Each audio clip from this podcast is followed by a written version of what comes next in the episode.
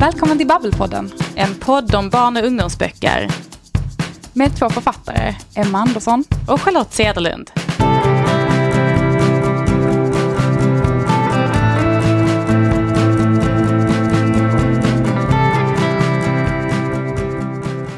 Emma, det här med research.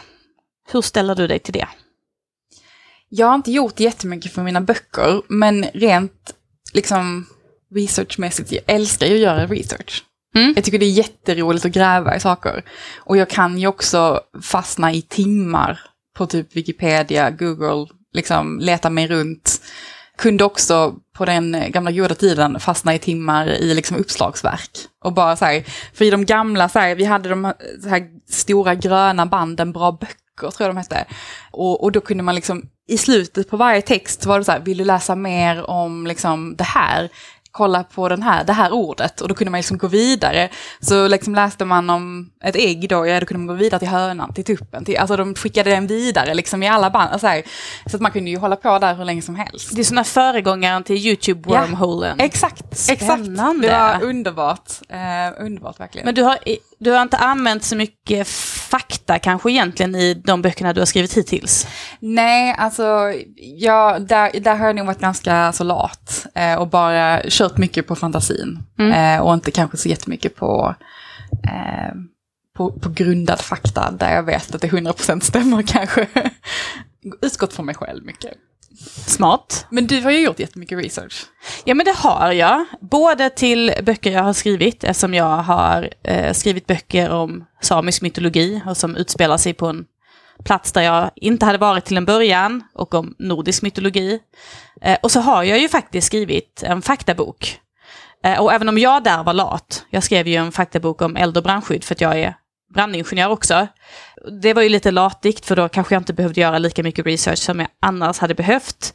Men där höll jag ju också på att grotta ner mig verkligen och liksom få rätt på detaljer och, och läsa på. Eh, och jag gillar ju verkligen det. Jag vet inte om det är ingenjören i mig, men jag är likadan som du. Jag gillar att grotta ner mig, gillar att hitta roliga, coola grejer som jag kan föra in i mina böcker. Tycker det är jättespännande. Men jag känner mig egentligen som eh, ganska mycket nybörjare, åtminstone när det kommer till just faktaböcker. För jag har bara skrivit en. Jag skulle gärna vilja skriva fler dock. Ja, alltså jag har ju också, jag, jag har en faktaboksdröm eh, som jag haft jätte, jättelänge. Kommer typ inte våga prata om den för som sagt kommer det kanske aldrig bli av. Men jag, jag, jag skulle jättegärna vilja göra det. Men, men jag har ju alltid tanken av att så här, jag måste kunna allt om det här ämnet för att våga skriva. Mm. Eh, men men det, har, det känner jag att man har släppt på lite mer nu, för att man har också insett att, eller jag har träffat så många människor som sagt där det är man kan göra research, man kan läsa in sig på saker, man kan ha någon som kollar. Eh, det, finns ju, det finns ju så många sätt eh, att jobba ändå. Precis, och jag vet en faktaboksförfattare som, alltså hon har skrivit om så många olika ämnen så hon kan omöjligt ha varit expert på allt det här innan hon började. Det skulle ju kunna vara intressant om vi tog ett snack med henne för att höra hur hon gör när hon skriver fakta om grejer som hon kanske inte kan så mycket om från början. Jättegärna. Då gör vi det.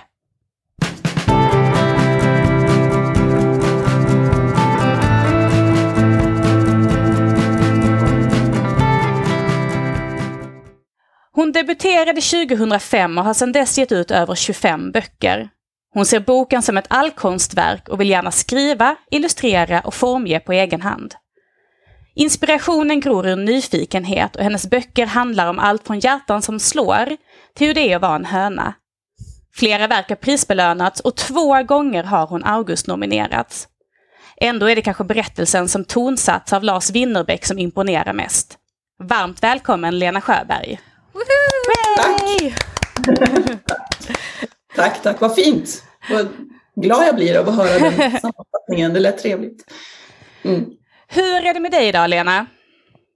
Jo tack, det är bra. Jag sitter här hemma och eh, ja, väntar på era frågor. Det ska bli jättespännande att höra. Ja men det tycker vi också. Och vi har ju bjudit in dig idag för att vi verkligen vill grotta ner oss i det här med faktaböcker för barn. Eh, men innan vi börjar med det så tänkte jag att kan inte du bara berätta lite om dig själv och din bakgrund?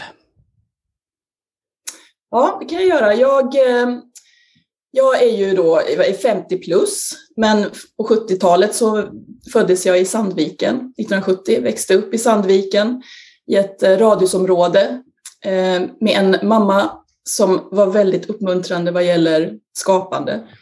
Så jag tror att det var där det började. Vi läste mycket böcker hemma och mamma som var dag, dagbarnvårdare i hemmet, så hon tog hand om dagbarn hemma hos oss. Vi hade fri tillgång till lekoteket. Så man kunde gå till och plocka ut material, bland annat silkespapper, saxar, limstift, rit, ja, pennor av alla slag. Och sen så, så hade vi det här hemma då. Och för mig var, jag tror att det var starten, liksom, att det alltid fanns, fanns alltid någonting att göra och det fanns alltid någonting att rita på eller att klippa i eller att limma fast. Så att hela min barndom var väldigt mycket rita, klippa, klistra och eh, hitta på sagor, hitta på berättelser.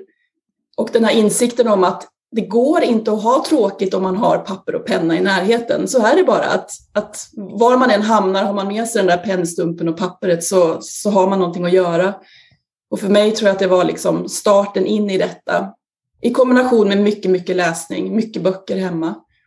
Och sen, sen, ja, sen då när jag började bli lite äldre och hamnade i liksom skolvärlden, hade turen att få bra bildlärare, egen nyckel till teckningssalen på gymnasiet så jag kunde komma och gå precis som jag ville.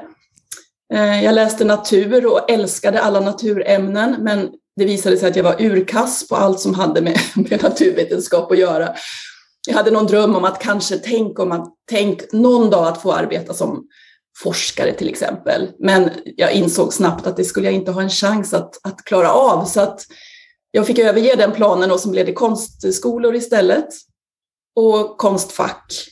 Och efter Konstfack, så några år senare, så, så gav jag ut min första bok när jag faktiskt insåg att det var i boken som alla de här delarna förenades, de som jag tyckte om. Ritandet och berättandet och skrivandet och ibland även klippandet och klistrandet och ja, i faktaboken även vetenskapen, som ju faktiskt får en plats där. Så att, eh, lite så, en snabb, eh, en snabb spolning så såg det ut ungefär på detta sätt. Just det, så att, att det blev just faktaböcker handlade om att du alltså var nyfiken av det här grävandet, eller?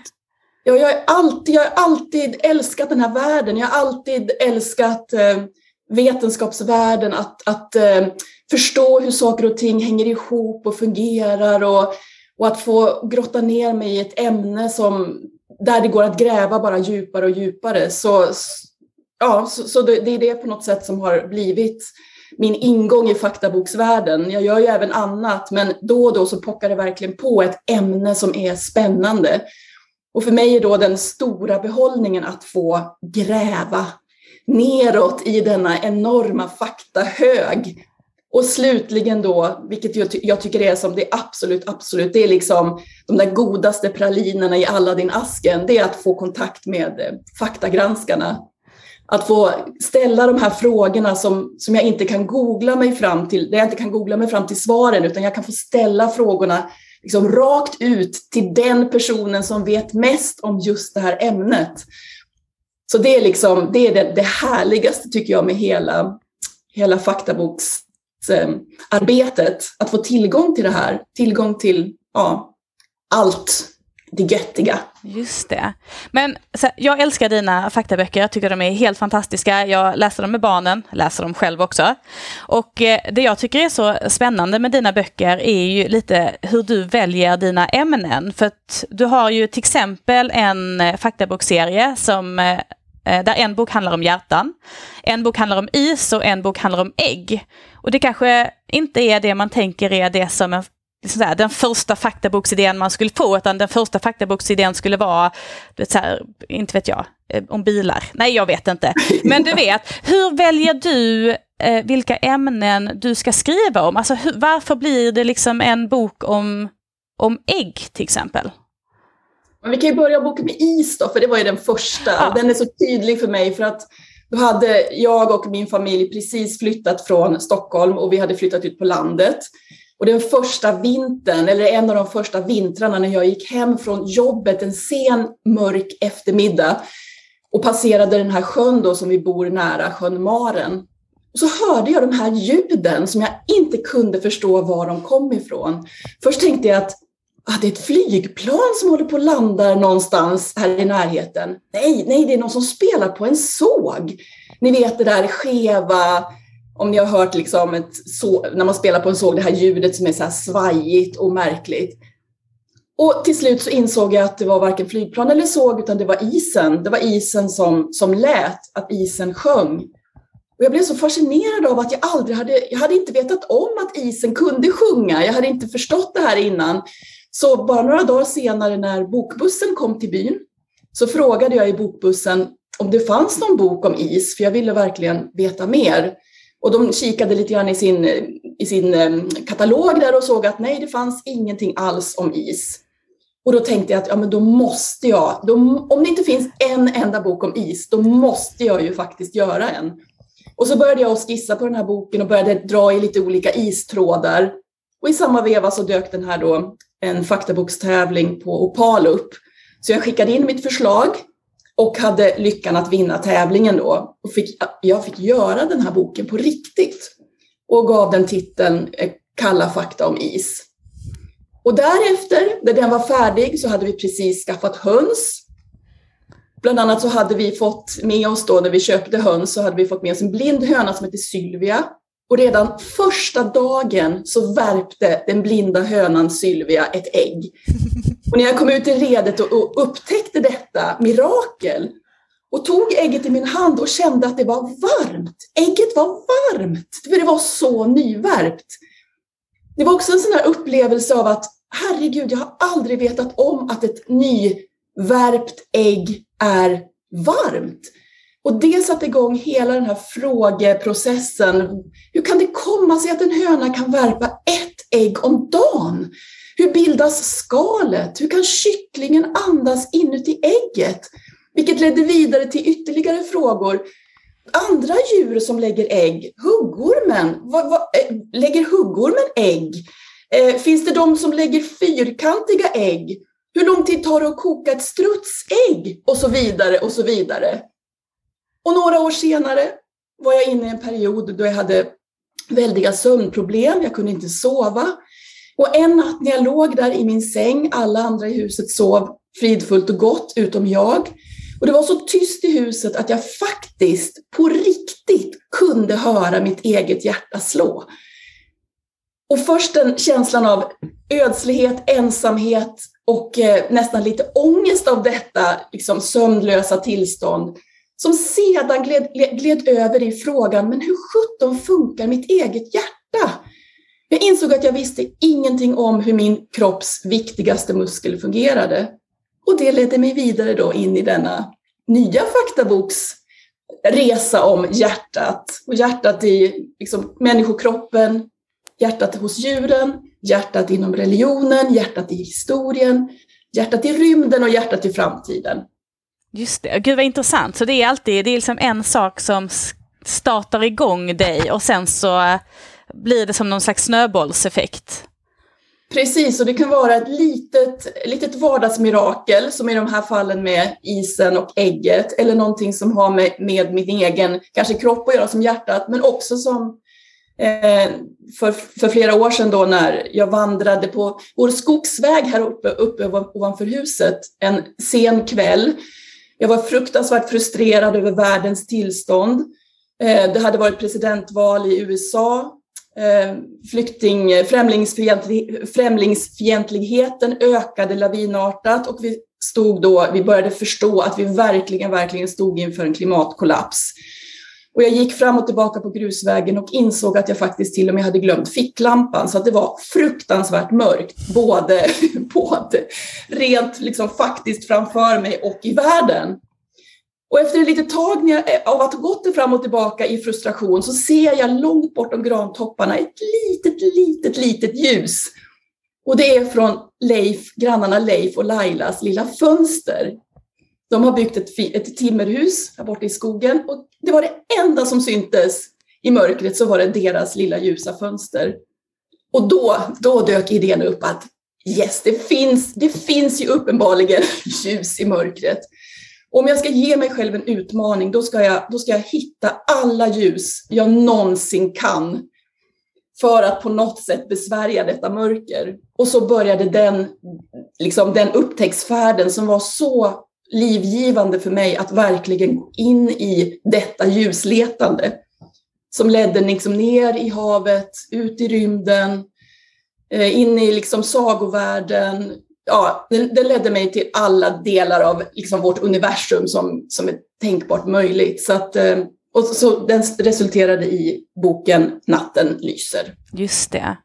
Vad fint, vad fint att kunna få jobba med en bok som eh, liksom, stärker en själv under processen och sen förhoppningsvis alla andra när de också läser den.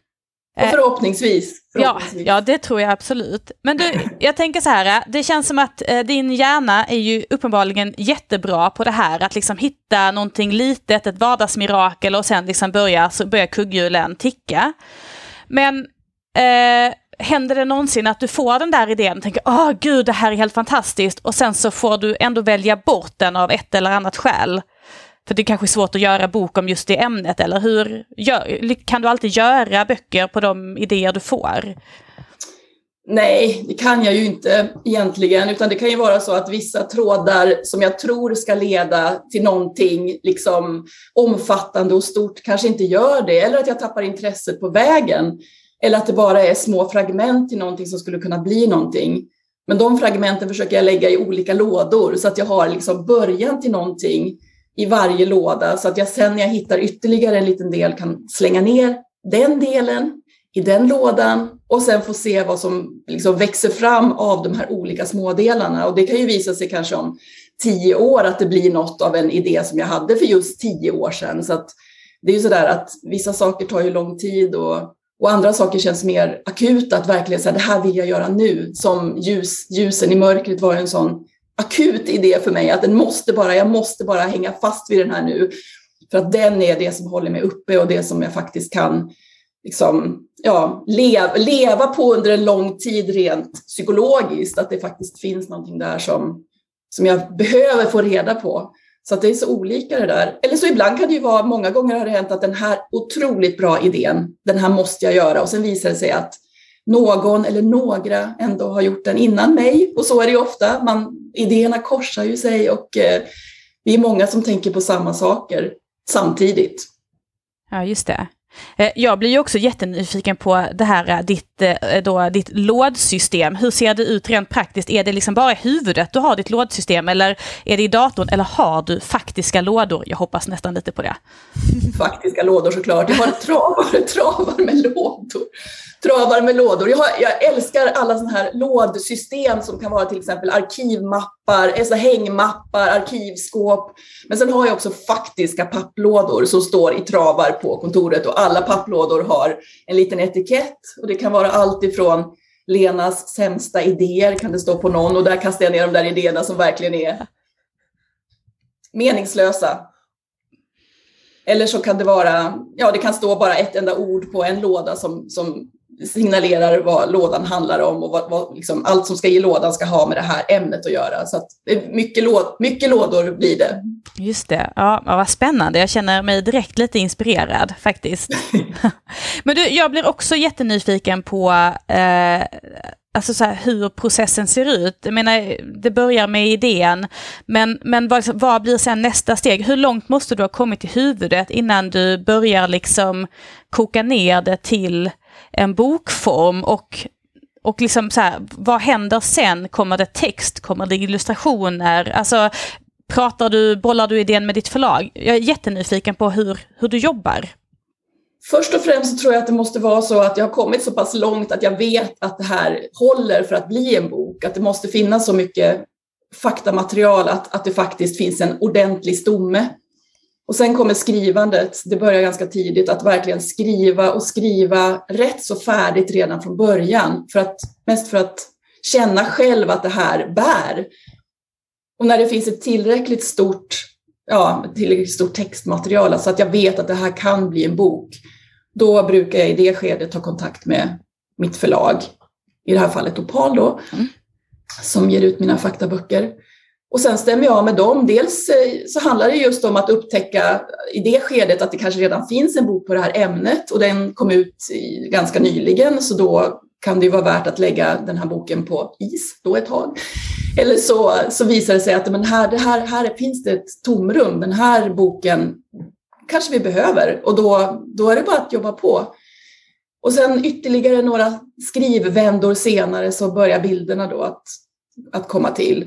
Och eh, när eh, jag har både text och bild, det är då det stora arbetet börjar med att slipa. Att slipa, slipa, slipa, slipa och, och verkligen skala ner, skala bort, foga ihop och eftersom jag oftast vet hur många sidor boken ska vara så är det ju så mycket som ska in på de här sidorna, vilket innebär att väldigt, väldigt mycket måste bort. Just det. Så det, det, stora jobbet är skalandet, att skala bort och skala av.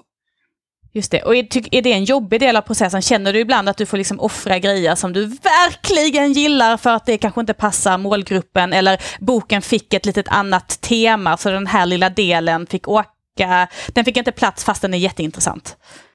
Jo, så känner jag ofta. Men det är också väldigt, väldigt skönt att ha de där 48 sidorna eller 60 sidorna eller vad det är, att veta att det ska in på de här sidorna. Det gör ju också att, att det finns någonting att förhålla sig till, annars så skulle de här arbetena kunna bli oändliga, det skulle aldrig ta slut. Så att på något sätt är det mer, det är mer en, en trygghet än en ångest. Det som däremot kan vara svårt är ju när, när boken nästan är färdig. Varenda litet utrymme är utnyttjat och så dyker till exempel pyrosoman upp. Jag ser på, på om någon, någon, någon slump gör att jag kommer in på Youtube, kollar på några klipp och tror inte mina ögon. En 18 meter lång geléaktig, näst, kondomformad varelse bestående av miljarder små lysande soider som klonar sig själva. Må, den måste ju vara med i boken om det som lyser och det finns absolut ingen plats. Och det, då börjar ju problemen. Var, vad ska jag ta bort för att pyrosoman ska in? Det är ju det, det, den, stora, den stora svårigheten då, för den måste ju få plats. Den Just måste det. få komma in. Och då kan det ju hända att jag måste knåda om hela jäkla boken. Det måste flyttas. Olika små delar måste flyttas om, kanske till och med måste jag ändra sidordning. Det ställer till otroligt mycket. Och det här händer ju alltid såklart på slutet. Just det. Men... För, sen, ja, för sen är ju boken klar och då är det ju för sent. Då går det ju inte, då finns det ju inte möjlighet att stoppa in en pyrosoma i, i boken. Så att det är ju en, ett läskigt stadium det där sista. Jag förstår, men pyrosoman fick plats, det var ändå där vi slutade, eller det var där? Absolut, pyrosoman. Jag kommer ihåg då när jag kom hem från kontoret den dagen när jag hade upptäckt pyrosoman och kom hem och berättade vid, vid, vid middagsbordet för, för min familj då att det här, det här är en varelse som finns. Och min yngsta son som ju, ja han var väl kanske unga tonåren, tittade mig allvarsamt i ögonen och sa att Mamma, du ska inte tro på allting du ser på Youtube. Och han var helt övertygad om att det här kunde inte vara sant. Men sen fick jag då kontakt med min faktagranskare som, som intygade att jo, pyrosoman finns. Så pyrosoman finns med och, och, har fått inte så stor plats som jag hade önskat. Men vem vet, det kanske kan bli en faktabok om pyrosomorna framöver. Det hade väl varit... Finns en låda. Finns det finns en, en låda. låda. Ja. Jag tycker det hade varit jätteintressant, men jag tycker också att det är jätteintressant med de här faktagranskarna. För hur får du tag på dem och hur mycket kontakt har ni liksom i arbetet med boken? Ja, men det, var, det, är så roligt att äntligen få prata om faktagranskarna för att de tycker jag försvinner i så många sammanhang när det pratas om faktaböcker. För mig är det så att utan faktagranskarna så skulle vi inte ha så bra faktaböcker som vi har för att de är liksom så viktiga. Och för mig handlar det om att jag kanske snubblar av ett namn av en slump, snubblar över ett namn av en slump när jag till exempel läser en spännande artikel om pyrosoman eller någonting annat. Eller så kan det vara att jag får kontakt med en forskare som absolut inte har tid att faktagranska min text eller prata med mig, men som känner någon som känner någon som känner någon som faktiskt ja, just för tillfället inte har supermycket att göra utan kan svara på mina frågor och sådär. Så att vissa faktagranskare har jag kontakt med under ja, nästan hela arbetets gång med boken då. Och andra faktagranskare kanske jag ställer en enda fråga till. Så att det är så otroligt olika beroende på vilken kontakt man får och vilket ämne de jobbar med och vilket ämne jag jobbar med och hur brett deras kunskapsområde är. Ibland kan jag ha turen att träffa på en faktagranskare som vet allt om nästan allt och det är ju underbart. Men de är, de är i alla fall, jag menar det här gör de också som, det finns inga pengar att betala faktagranskare för. Det är ju väldigt liksom, dåliga budgetar på förlagen tyvärr. Om ni lyssnar förlagen så steppa upp här. För det här är så viktigt och de lägger ner enormt mycket tid på att få allting 100% korrekt. Det finns saker som jag missar som de ser. Och det finns också saker som där jag tror säkert att jag vet att det här stämmer, men det kan visa sig att jag fått någonting litet om bakfoten och de kan räta upp en hel sån faktaruta så att det faktiskt blir helt rätt, vilket ju gör att det blir roligt att läsa böckerna när man känner tydligt att det här stämmer. Så det är en viktig del. Och särskilt i den tiden vi lever nu. Vi lever i en tid av desinformation och det väldigt, går väldigt snabbt. Och då är det också ytterligare viktigt, tycker jag, att de här faktagranskarna får göra sitt fantastiska jobb som de gör. Men hur, hur jobbar du med dem? Alltså, är det så att du har samlat på dig fakta och sen kommer till dem och vill att de ska dubbelkolla eller jobbar du också så att du intervjuar dem om saker eller, liksom, eller är det olika från faktagranskare till faktagranskare? Det är ganska olika faktiskt, att det beror helt på vad min fråga är. Ibland kan det ju vara att, eh, att jag behöver support under en längre del av bokarbetet och då om jag har hittat då en rätt faktagranskare så kan han eller hon vara med och dubbelkolla hela tiden att, att, jag har fått, att jag har förstått saker och att jag formulerar det på rätt sätt. Men annars kan det ju vara bara att jag får ställa tre, tre snabba frågor eller att jag har kontakt med en, en fiskforskare som kan hjälpa mig att eh, eh, faktiskt hitta på svenska namn åt exotiska fiskarter som än, ännu inte har några svenska namn.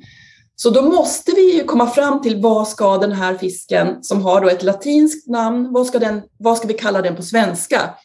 Och då har det hänt att jag har fått tre förslag eller jag kan inkomma med ett eget och sen slutar det med att ja men monokelabborre eller någonting annat skulle ju kunna funka. Så att det är också väldigt, väldigt roligt att vara med på ett hörn på det sättet. En ära och eh, någonting som är sådär att få inblick i de, ja men på något sätt de områden där det finns så mycket intressanta saker att ta reda på, som hela fiskvärlden då. Så det är så väldigt olika. Men jag tror att alla som jobbar med faktaböcker har den här upplevelsen att plötsligt så finns de där och hjälp, hjälper oss så mycket för så liten ersättning. Just det. Ja, men bra med faktagranskare, det tycker jag också. Eh, men okej, okay, så du gör lite av din research eh, blir tillsammans med faktagranskarna, men hur gör du den andra researchen? Alltså, var läser du någonstans? Var, var är dina källor? Hur jobbar du? Men jag, läser, jag läser och tittar var helst det finns information. Så det kan ju vara allt ifrån eh, att läsa en, en som jag gjorde då till, ska vi se, till eh, Hjärtboken. Nej, vilken bok var det? Nu kommer jag inte ens ihåg. Men jag läste en tjock, en tegelstens, en tegelstens faktabok om Leonardo da Vinci som slutade med eh, två rader eller något sånt där i min faktabok. Så det kan ju vara allt, liksom, det kan ju börja i en tegelstens eh, roman eller en tegelstens faktabok och sen eh, gå över till ett kort klipp på Youtube eller eh, eh, artiklar på, på Google eller liksom all, allt. Där faktan finns, dit går jag. Så det är blandat. Just det. Men jag tänker, för att eh, det jag tänker är ju så här att amen, uppenbarligen plockar du fakta överallt ifrån och, och kanske från vissa ställen där faktan är, alltså vi säger ganska komplicerad fakta. Och sen ska du koka ner det till någonting som riktar sig till barn som är kanske mellan tre och sex år gamla. Eh, är det svårt ibland för dig att liksom mm, alltså, modifiera faktan så att den passar för målgruppen? Så att den blir liksom förståelig för dem? Alltså jag vet inte, för jag, tänk, jag tänker ju väldigt sällan eh, målgrupp när jag jobbar och, och det är samma med oavsett faktaböcker eller poesiböcker eller vad det nu är för böcker, jag gör bilderböcker, så, så är det som att målgruppen känner jag medan jag jobbar är ganska oväsentlig för mig faktiskt. Och just i faktaböckerna så tänker jag verkligen inte på att det här ska en ja, treåringar är kanske liksom en låg, låg ålder om man säger en det är lite för unga kanske för mina faktaböcker, men säg från 6 till 9 år eller 9 till 12 eller någonting, så tänker jag inte att en, det här ska en nioåring förstå, utan jag tänker det här ska jag förstå. För att på något sätt är det som att, att göra det så pass, att koka ner informationen till någonting som blir så pass begripligt att jag, att jag själv förstår. Att det är nästan där jag hamnar, att, att ta bort så fort det är någonting som känns diffust eller oklart så måste det bort, för jag måste förstå själv. Och ibland är det så att det blir några rader, men det är kanske de, det är det nedkoket som blir av en 400-sidig bok om Leonardo da Vinci. Det är exakt de två raderna som ska vara med då. Och de blir så tydliga det bara går. Jag vet inte om det var svaret på din fråga. Jag babblar på här, men, men, men på något sätt så tänker jag i alla fall inte målgrupp. Jag tänker, inte, jag tänker bara att det ska vara så tydligt som bara är möjligt. Just det, ja men det är väl en bra regel att om man får ner det så att det är förståeligt för en själv så bör också ett barn förstå. Men jag tycker också det är ja. jätteintressant det här att du har sagt att äh, här, du har så mycket fakta och sen så måste du välja vad som ska komma med i boken.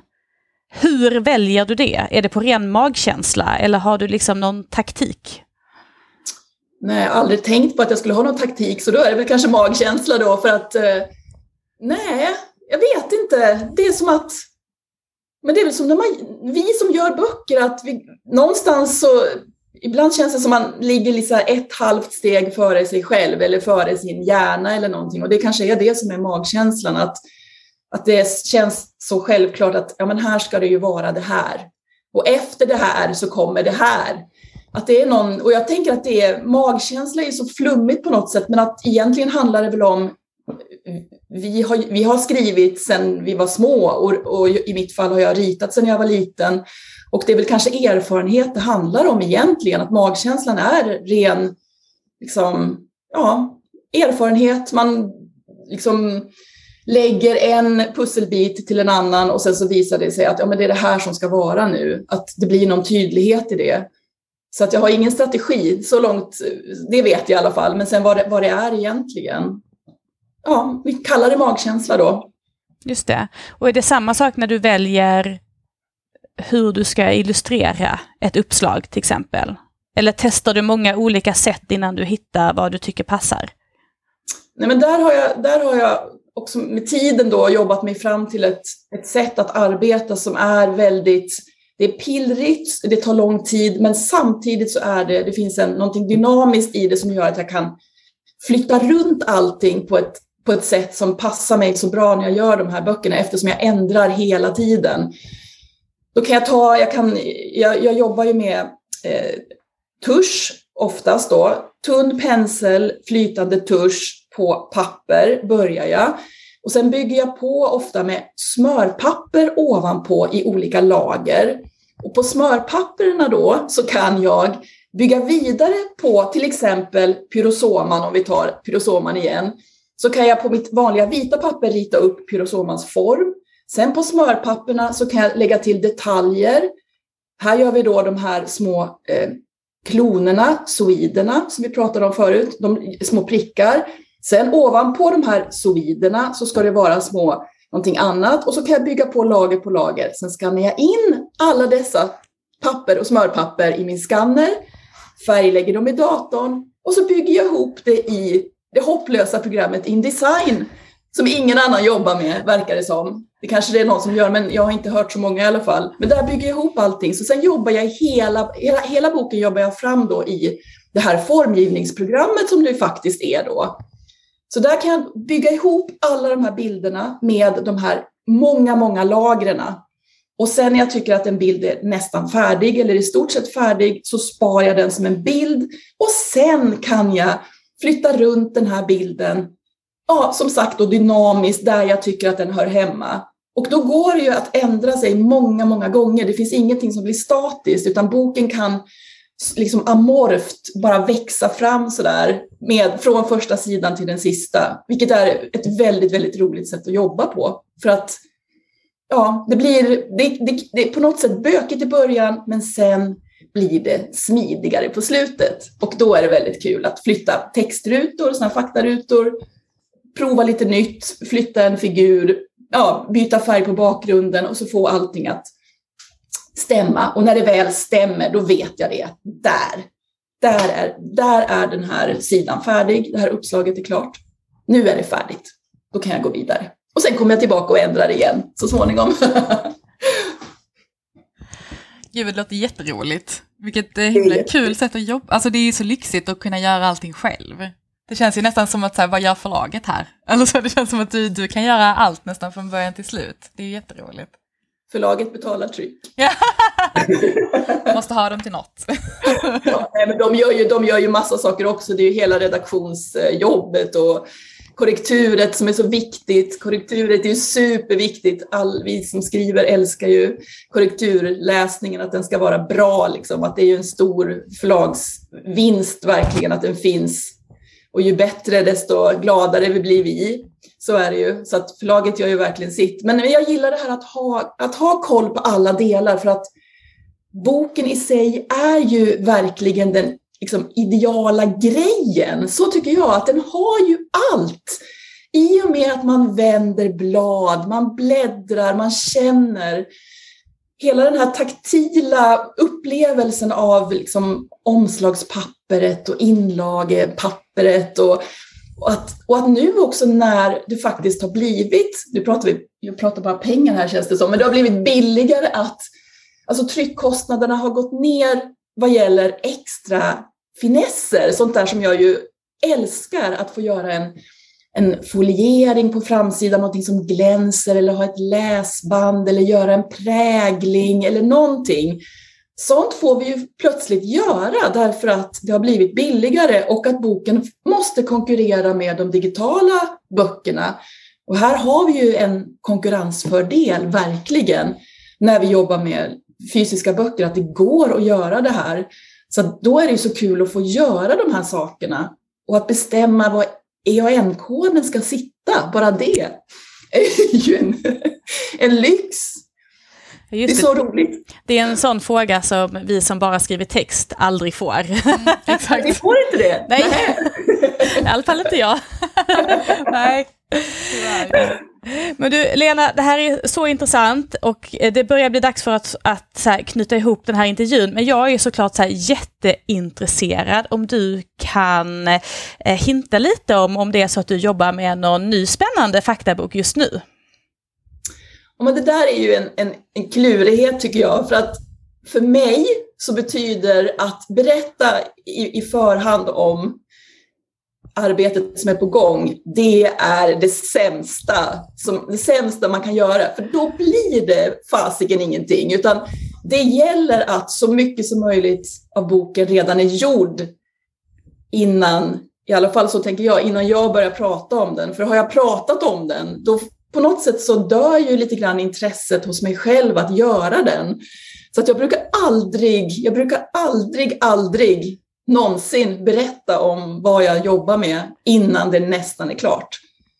Och det är inte något sånt där, tror jag, magiskt tänkande, utan det är rent, ja, men rent sådär, ja, men har jag berättat om det, då är det någonting som, ja, det, det dör lite grann då, tycker jag. Så att jag kan inte säga någonting om vad jag jobbar med nu.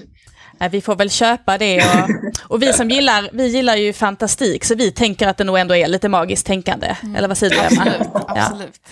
Men du, tack snälla Lena Sjöberg för att du kunde vara med oss här och prata. Så intressant. Eh, vi kommer fortsätta läsa dina faktaböcker för alltid. Mm. Men tack, tack för att jag fick vara med. Det var, det var superkul. Tack.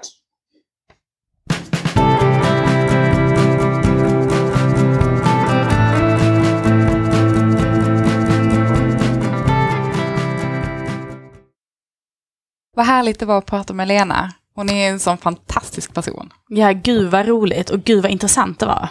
Det låter ju helt underbart att, att, vara, att vara duktig på allt som hon är. Alltså just att sitta liksom och få pussla och greja och grotta. Och, alltså det, ja, jag bara känner att jag vill ha hennes jobb.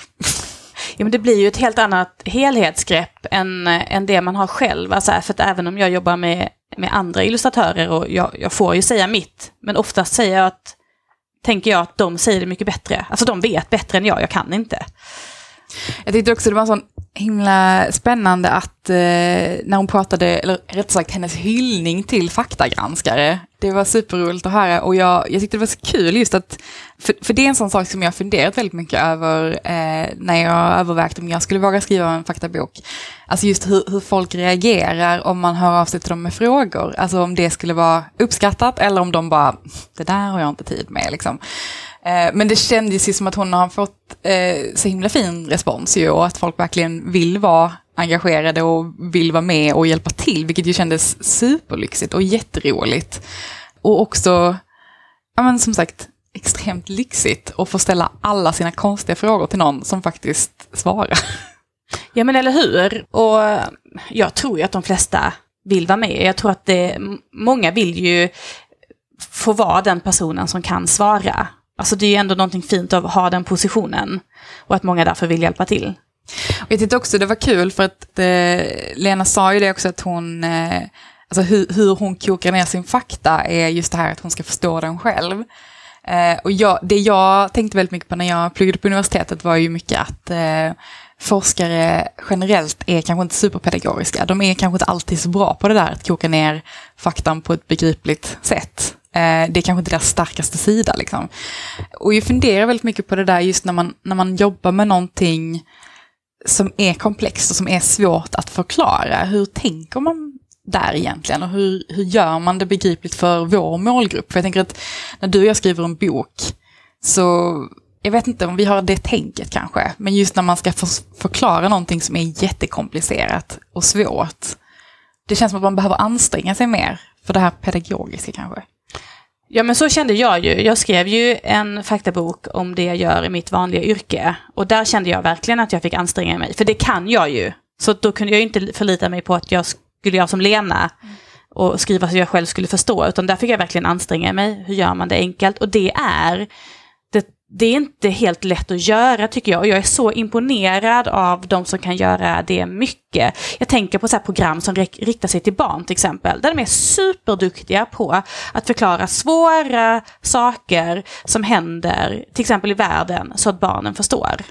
Ja, för barn ser ju och hör det mesta, alltså framförallt idag när de har, det är så lätt att komma åt all info. Liksom. Mm. Men att, att se till att de får den på, på ett sätt där de kan liksom man hantera den, förstå den, eh, också kanske finna ett forum där man kan få svar på sina frågor till exempel, är ju så himla värdefullt. Precis, och jag funderar lite på, det finns ju nyheter som riktar sig till barn.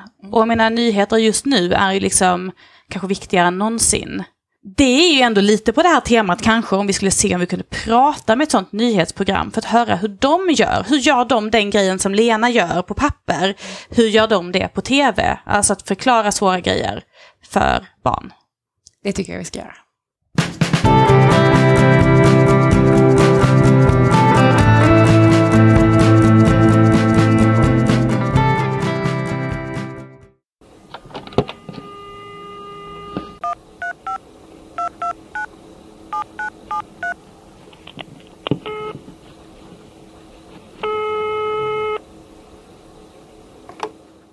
Hallå, det här är Malin på Lilla Aktuellt.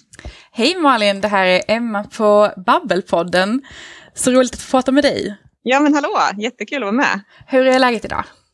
Jo men det är bra. Vi har precis gjort klart vårt fredagsprogram som sammanfattar veckan så det känns liksom alltid lite så här härlig fredagsfeeling när man är redo Gud, för helgen. Vad kul att vi får lov att liksom sno dig lite här efter inspelning då. Ja, Eh, vi tänkte ju, eller vi har precis pratat med eh, Lena Sjöberg här idag eh, om, eh, hon, hon, skriver faktaböcker. Och vi kom ju in på det här med att det kan vara ganska knepigt ibland att, att bryta ner svåra saker och förklara det för barn. Och jag tänkte det är ju exakt det ni gör hela tiden, tänker jag. Allting som ni tar upp är ju väldigt ja, men komplext kan man väl säga. Mm. Om vi börjar med den superenkla frågan, hur gör man svåra frågor lättillgängligt för barn? Ja, det är verkligen så här 10 000 kronors frågan. Det är det vi jobbar med. Men det är det vi jobbar med exakt hela tiden. Just att jag, eh, jag har ju en del tankar om det där. Alltså, för det första så, så vi jobbar ju jätte, jättemycket med liksom, orden hela tiden, hur vi uttrycker oss. Det är väl liksom på något sätt så här, grunden. Liksom, vilka ord kan man använda för att förklara svåra saker? För det är mycket eh, när vi intervjuar eh, vuxna personer, myndighetspersoner så, så används det ofta svåra ord som kanske egentligen inte hade behövt vara så svåra som, som de sägs, för att det är mycket fackspråk och sådär. Så en nyckel är väl liksom orden och vi bollar liksom in i detalj på ordnivå ofta när vi har våra manus just eftersom det kan låta ganska enkelt när man tittar på programmet. Ja, men det där var ju enkelt att förklara men det kan ha tagit en hel dag för oss till att koka ner och vända och vrida på orden. Så ja, men orden är väl liksom viktiga att man hela tiden tänker på dem. Och vi pratar ju väldigt mycket om att vi ska förenkla men att vi liksom det ska ju fortfarande vara sant det vi säger och det är där också som balansen kommer. Och där använder vi oss mycket efter att vi har kokat ner och tycker att vi har förenklat så brukar vi ofta bolla mot någon, eh, ja, men ofta kanske här på, på vårt eget företag som är experter inom vissa områden, utrikesfrågor eller, eller så. Liksom, tycker du att det här blir eh, bra förenklat men ändå sant? Liksom? Det är hela tiden den balansen vi jobbar med. Eh, sen tycker jag också att det handlar mycket om att de svåra frågorna kanske är svåra just eftersom att man behöver så mycket kontext eh, för att förstå den svåra frågan. Och där jobbar vi ju också väldigt mycket med att hela tiden eh, ge relevanta bakgrunder. Och det tycker jag är en viktig grej faktiskt inte bara för barn. Nu pratar vi ju barnperspektivet, men att det ofta glöms bort kanske lite också i vuxensammanhang. Men jag skulle säga att det är de två nycklarna, kontexten och liksom språkbruket för att man ska kunna förklara svåra frågor. Men hur jobbar ni med det? Jag tänker, är det någon av er på redaktionen som har pedagogisk erfarenhet eller är ni alla journalister som sitter på redaktionen? Ja, men vi är, alltså grunden är vi utbildade journalister som jobbar på Lilla Aktuellt. Sen kan det vara så att det finns vissa som kanske har erfarenhet att jobba med barn på olika sätt, att man därför har sökt sig till den här typen av journalistik. Men vi har inga liksom utbildade lärare eller så på redaktionen. Däremot så är ju vårt program ett samarbete mellan SVT och UR och på UR jobbar ju många med pedagogisk bakgrund. Så där eh, stämmer vi, vi har liksom Eh, varje vecka så gör vi en del olika läromaterial och sådär till vårt program och då har vi ju kontakt med dem och ibland kör vi uppsamlande hit. Vi har haft liksom något när vi har gått igenom så här, ja, men på vilken nivå är de Förstår de som tittar på vårt program när vi pratar i procent? Eller vad har de gått igenom på historien? Har de lärt sig om? ja, men, så, att, så att vi vet liksom lite var vi ska lägga. Och det gäller ju både, liksom, det kan vara så lätt som vuxen att säga ja, men 50 procent. Men om man inte har gått igenom procenten i skolan, då kanske det är bättre att säga hälften. så det är sådana där grejer som är jättebra att bolla mot, mot dem och som då kan vi ha dem som stöd. Eh, så det har vi gjort några gånger och det har varit väldigt värdefullt. Men annars är vi ju journalister så att vi får ju liksom ha, eh, vi får ju också kämpa ibland med liksom det pedagogiska. Men vi lär oss ju av varandra hela tiden och när vi samarbetar så mycket så, så eh, är det väldigt värdefullt liksom att bolla, bolla, bolla hela tiden.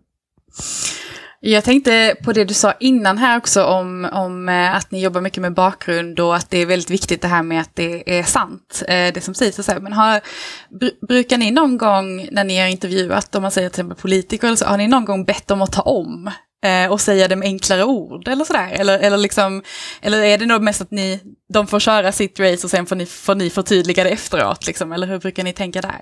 Ja, alltså just när det gäller politiker så tror mm. jag att då får de säga det de säger. Men det är klart att vi, vi uppmanar alltid alla intervjupersoner innan att liksom ja, tänk på vilken målgrupp du pratar till. Mm. Eh, och vissa är ju bättre på, liksom, än andra på det. Men, men eh, det är klart att om vi intervjuar till exempel ja, journalister här på vårt eget företag som kan vara experter på vissa frågor och så, då brukar vi ju eh, ibland kunna säga att ah, det där blev ett litet svårt ord, Skulle, kan man säga det på något annat sätt?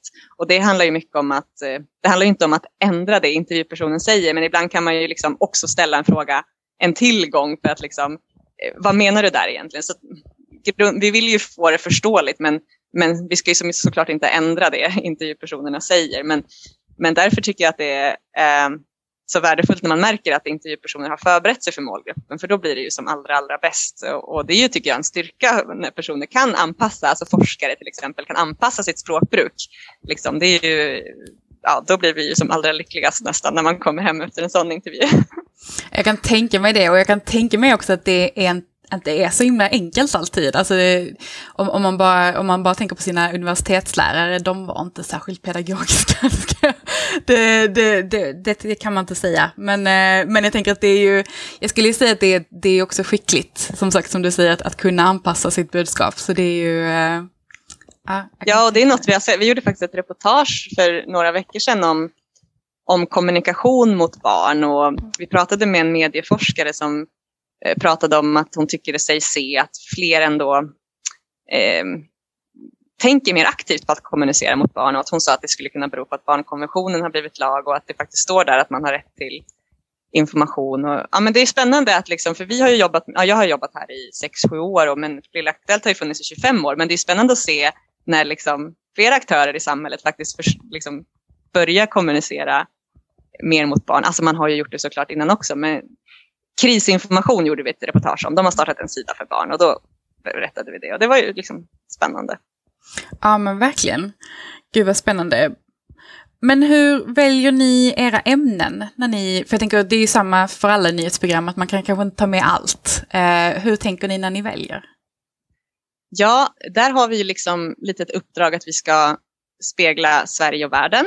Eh, och vi har ungefär som mål att att eh, hälften av det vi berättar ska liksom vara liksom i nyhetsflödet och kanske hälften av det vi berättar ska vara saker som är mer i målgruppen kanske. Det kan ju vara i, i nyhetsflödet också, men det kan också vara saker som är liksom väldigt mycket så, tankar och känslor man har när man går i mellanstadiet. Man kanske pratar om hur, vad gör man på rasten eller mobbning eller så. Det bästa är ju när man kan kombinera de där två sakerna tycker vi. Alltså liksom saker som an, angår målgruppen men som också är liksom nyhetsämnen. Men eh, Sen är det ju inte någon exakt att vi räknar exakt minuter, och så, men det är väl målet. Liksom. Så, men sen när, vi, när det gäller nyhetsflödet så handlar ju mycket liksom, av vårt uppdrag också att liksom, förklara det som alla andra pratar om. Så på ett sätt blir det ju så att tar alla andra stora medier upp någonting, då borde vi också göra det för att då hör barnen om det överallt och då vill vi att de ska kunna komma till oss för att få liksom, en säker och trygg liksom, förklaring. Så det styr delvis, men vi försöker såklart också få en mix mellan olika ämnen och att det kanske inte ska vara ett helt program med bara mm, liksom, elände utan att man vill lyfta någon god nyhet och ja, men liksom, så att det blir en mix som man orkar ta till sig som tioåring. Mm. Men det är ju jättesvårt för att eh, vi har ju inte så många minuter och ja, så vi kämpar ju ofta med att liksom, välja och välja bort och så. Men som klassisk nyhetsvärdering egentligen kan man väl säga att grunden är, för så är det egentligen för alla redaktioner. Ja, men precis. Men finns det, skulle du säga att det finns frågor eller ämnen som ni eh, aktivt väljer bort eller som ni liksom inte vågar ta upp för barnen, eller vågar eller vågar, men, men som man kanske känner att så här, det här är ändå inte frågor för barn? Alltså, egentligen tror jag att vi Alltså inte så att vi inte vågar eller att vi tycker mm. att vi, det mesta tror vi nog ändå går att förklara. Alltså, vi har pratat jättemycket om kriget i Ukraina och corona och alla de här ämnena. Liksom. Och vi tänker att det, och NATO nu till exempel, är saker som, att, som de hör om som vi behöver förklara. Sen är det klart att i det stora nyhetsflödet så kommer det ju kanske ibland nyheter som vi känner att, att det inte kanske blir prio på den här grejen framför den här grejen. Alltså liksom att vi tänker mycket på, ja, men, har det här en stor bäring på samhället? Då kanske det känns ännu viktigare att förklara den här nyheten. Eh, men jag kan inte dra mig till minnes jättemånga nyheter som vi har valt bort av att liksom, nej, det här går inte att berätta. Utan då är det ju mer liksom att väga det mot liksom stora helheten mer. Och det tycker jag, sen är det klart att vi vi får ibland input, så här, varför tar ni upp det här ämnet för, för barn i den här målgruppen? Men då, då kan vi alltid liksom falla tillbaks på vårt uppdrag som faktiskt är att förklara det som händer. Och vi, tycker ju, vi har ju liksom som inställning att vi tycker att det är viktigt att barnen får veta. Eh, men sen kan det finnas olika åsikter om det också. Men det är, det är ändå vårt grunduppdrag som vi känner oss trygga med. Liksom. Ja, men det, det, det låter toppen och jag håller ju med. För jag, kan, jag, kan, jag känner personen också att barn, barn, kan, man kan höra allt, men det handlar om hur man förmedlar det. Sen Eh, tänker jag, jag ska lägga till där att, Mm. att eh, även om vi till exempel, så här, äh, ja, men, ak aktuellt exempel här med de här hemska bilderna som spreds från Butja i Ukraina för några veckor sedan. Det är, liksom, ja, det är en nyhet som vi känner att vi, den här nyheten kan vi berätta och vi tycker att det är viktigt. Men vi väljer till exempel i det här fallet då inte att visa de här hemska bilderna som sprids i vuxna medier. För att vi har ju ändå ett ansvar för att liksom anpassa oss efter målgruppen. Och det blir också viktigt i väldigt många nyhetshändelser att vi kan berätta, men då ska vi göra det på rätt sätt. Vi, ska, vi pratar mycket om så här, ja, men, hålla tittaren i handen när det är svåra ämnen, att man kanske eh, berättar att nu kanske det blir lite läskigt, det kan vara bra att kolla med en vuxen. Alltså, så att man hela tiden, att man inte bara slänger ut de här tuffa nyheterna, utan att man verkligen eh, ja, ändå liksom tänker på vad man visar. Och vi är ju ett bildmedium och bilder spelar ju jättestor roll. Så att liksom, vi kan ju inte kabla ut vilka bilder som helst till en sån här ung målgrupp. Så det blir ju också någonting vi tänker väldigt mycket på. Mm. Och där väljer vi ju bort, liksom, på, på tal om din fråga om vad vi saker vi väljer bort. Mycket bilder väljer vi bort, men vi väljer att berätta på något annat sätt då. Ja, jag kan tänka mig det. Men du är inne på det här nu, det är ju, det har precis varit en pandemi eh, och nu befinner vi oss mitt i eh, kriget i Ukraina. Eh, och när det händer sådana här stora saker eller stora kriser så kommer det ju, jag kan tänka mig att det kommer in väldigt mycket frågor på det ni, på era reportage och sådär. Eh, hur hanterar ni det? Ja, nu under Ukraina-kriget så drog vi faktiskt igång en, vi har ju en app, i, eller vi, ja, vi finns i Duo-appen och där kan vi liksom interagera med målgruppen. Vi drog igång en chatt samma dag som Ryssland invaderade Ukraina och vi har ju hade den öppen liksom ganska länge, varje dag under en period. Och där, jag kommer inte ihåg, men vi hade typ så här, alltså tusentals, tusentals inlägg. Um, och det tycker vi ju är ett väldigt bra sätt att, för, att kommunicera med målgruppen. Inte bara liksom skicka ut våra nyheter och, utan att vi också ser vad de har för frågor. För vi, vi får väldigt mycket uppslag av de här chattarna också. Att vi ser att ah, okej, okay, men nu frågar de ju jättemycket om den här lilla detaljen. Okej, okay, ja, då har de ju hört om det. Då måste vi ju såklart förklara det. Det, det var till exempel ett exempel när vi, det var mycket prat om kärnvapenhot och så. Att vi märkte att de ställer jättemycket frågor om kärnvapen och undrar vad det är då behöver vi ändå liksom beröra det. Eh, och vi svarar, vi som liksom reporter och så försöker svara och så här, men vi har också haft jättemycket olika experter i de här chattarna så att liksom vi visar ändå aktivt att vi är journalister, vi tar reda på fakta, men vi är inte experter på eh, Ryssland, utan då kan vi ta in andra som får svara. Även haft eh, psykologer med ganska liksom kontinuerligt som mer kan hantera oro. Så att man ändå visar att eh, vi är liksom inte alls med. Ibland kanske de tror att vi, vi vet allt bara för att vi jobbar på Lilla Aktuellt. Men, men så är det ju inte. Vi vill ändå vara tydliga med att vi hämtar in information från olika källor. Och, och det blir ju extra viktigt också i och med kriget när det kommer så mycket information. Eh, men det är jättevärdefullt att ha en dialog med de som tittar. För då liksom, jag tror att man lär sig, det blir som ett finger i luften hela tiden. Som att vara ute på skolgården och höra dem snacka ungefär. Jag kan tänka mig det. Eh, och det känns ju som ett, som sagt, som du säger, ett, ett, ett jättebra sätt att nå de unga idag som du som sagt också lever mycket sina liv på internet. Alltså att, att ge dem den möjligheten att interagera också eh, känns, eh, känns som en väldigt smart grej. Mm. Malin, det var faktiskt alla mina frågor för idag. Ja. Eh, det var jätte, jätteroligt att du ville vara med. Ja, men tack så mycket. Kul att snacka med er. Du får ha det så bra så hoppas jag att vi hörs igen. Ja, tack ska ni ha. Ha det bra. Hej! Hej då! Nu blir det boktips! Emma, har du läst något bra på sistone? Jo men det har jag. Sådär eh, lagom till ett faktaboksavsnitt så har jag faktiskt läst en faktabok. Ooh. Eh, och det är en bok för åldern 9 till 12 som är utgiven på B. Wahlströms. Och boken heter Planeten, klimatet och framtiden. Vad kan vi göra? Och den är skriven av eh, en forskare som heter Åsa Kalmar i samarbete med eh, Anja Gatu som är både journalist och barnboksförfattare. Och sen är den då illustrerad av eh, en eh, illustratör som heter Ingrid Skåre.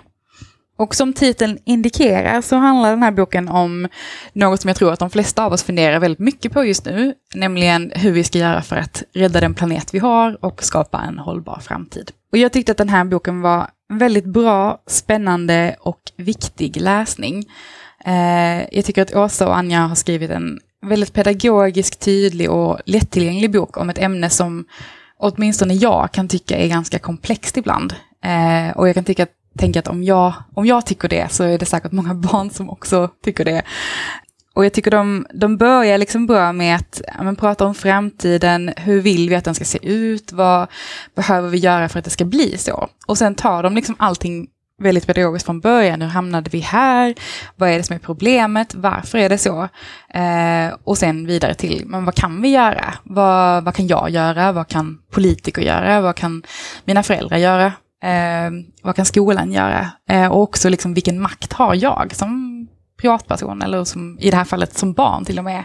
Eh, vad kan man faktiskt göra i sin vardag för att hjälpa till?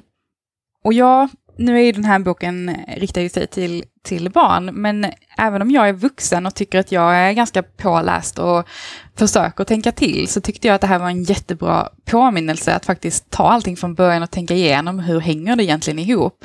Och kanske är det inte så konstigt att vi är där vi är. Alltså, vi hade ju mycket goda intentioner med allting vi har liksom skapat för att hamna här. Men det är lite samma sak som med rökning, att så här, nu vet vi bättre. Då kanske vi ska göra bättre nu. Liksom.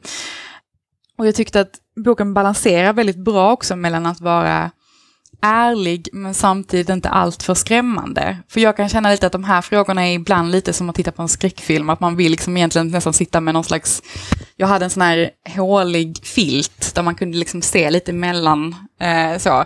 Eh, och lite så känner jag ibland eh, just med de här klimatfrågorna, att det, det är liksom, att se hela bilden är nästan för läskigt. Men, men jag tyckte att eh, Anja och eh, Åsa balanserar det här på ett väldigt sakligt sätt och ändå hela tiden håller en positiv ton om att det fortfarande finns mycket vi kan göra. Eh, och att vi också alla bär på ett ansvar att dra just vårt strå till stacken.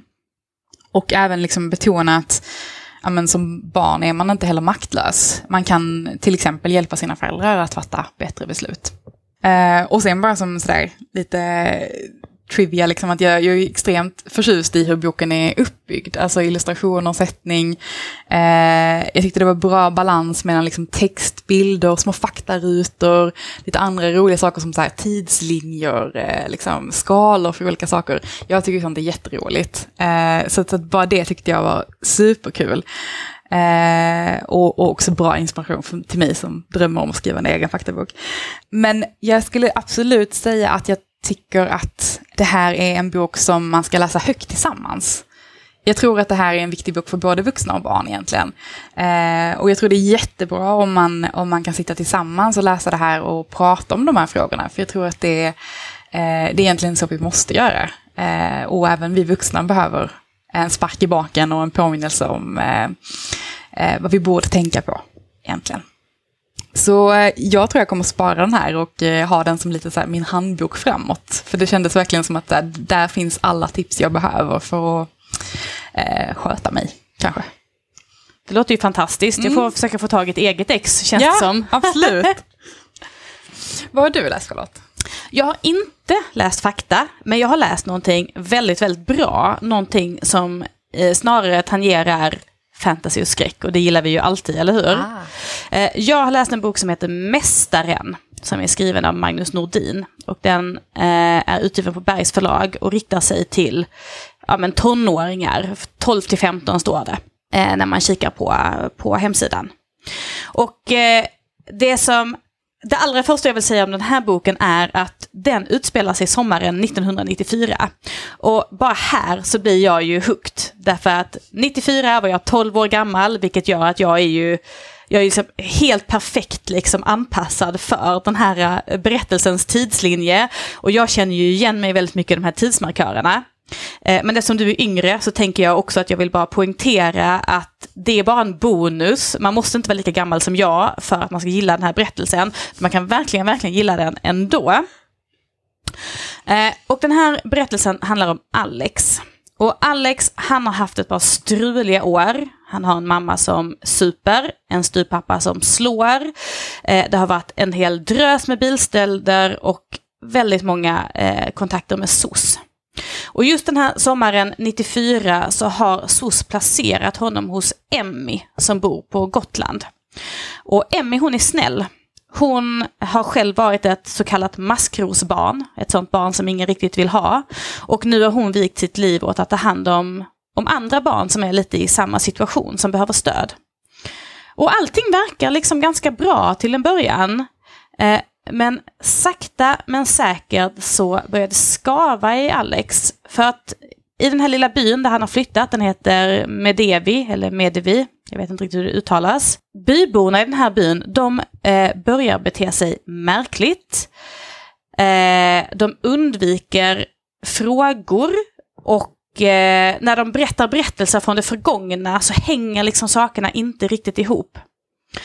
Eh, Alex får dessutom tag på en jätte, jättegammal bok som heter Mästaren i Medevi och där finns en berättelse som är ganska obehaglig.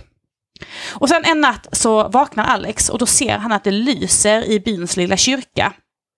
Så han smyger dit och då blir han vittne till en riktig svartmässa. Alltså du vet en sån där man eh, sitter på fel håll i kyrkan och sen så eh, offrar man en get och dricker blodet då. Och på den här mässan så tycks djävulen själv vara gäst.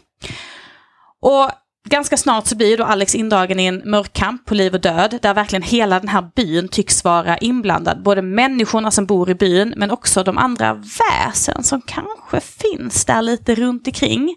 Och det här är jättespännande, det är så här väldigt, väldigt obehagligt. Och ärligt talat alldeles underbart. Så jag kan verkligen tipsa om den här boken och jag tycker verkligen att det här är en bok som man ska läsa nu i sommar. Alltså man ska ha den på lovet eller på semestern. Så att man liksom, de här upplevelserna som Alex har av den här sommaren på Gotland kryper sådär riktigt nära. Att man kanske glömmer lite vad det är som är bok och vad det är som är verklighet. För det är ju då jag tänker att fantastik är som allra, allra bäst. Gud vad spännande. Alltså, jag är ju jätteförtjust i Magnus Nordin sedan tidigare. För jag, han har ju skrivit en av de liksom, mest spännande böcker jag läste när jag gick i högstadiet. Så att jag är superspänd. Jag vill ha den här boken efter dig. Absolut. Uh, men gud vad roligt. Det här var faktiskt allt för idag. Men inte bara för idag utan också allt för säsongen. Slut för den här gången helt enkelt. Men vi hoppas ju på att vi kommer tillbaka igen i höst. Mm -hmm.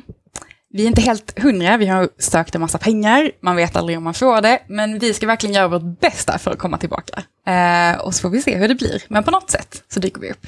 Vill ni höra av er till oss under tiden, eh, berätta om eh, någonting ni har läst eller någonting ni vill att vi ska prata om, tipsa oss om saker. Eh, då blir vi jätteglada. Vi har börjat planera eh, och vill jättegärna ha tips från er på vad vi ska prata om och eh, kanske personer vi ska intervjua och sådär om ni har roliga tips. Så ni, det är bara att mejla oss, eh, skicka ett DM eller skriva en kommentar på Instagram så blir vi jätteglada. Och eh, har ni inte lyssnat på alla våra avsnitt, gå jättegärna tillbaka och gör det. Eh, vi blir jätteglada över att ni lyssnar, engagerar er och eh, tycker till. Eh, gillar podden helt enkelt. Sprider ordet. eh, så får ni ha en alldeles underbar sommar så hoppas jag att vi hörs i höst.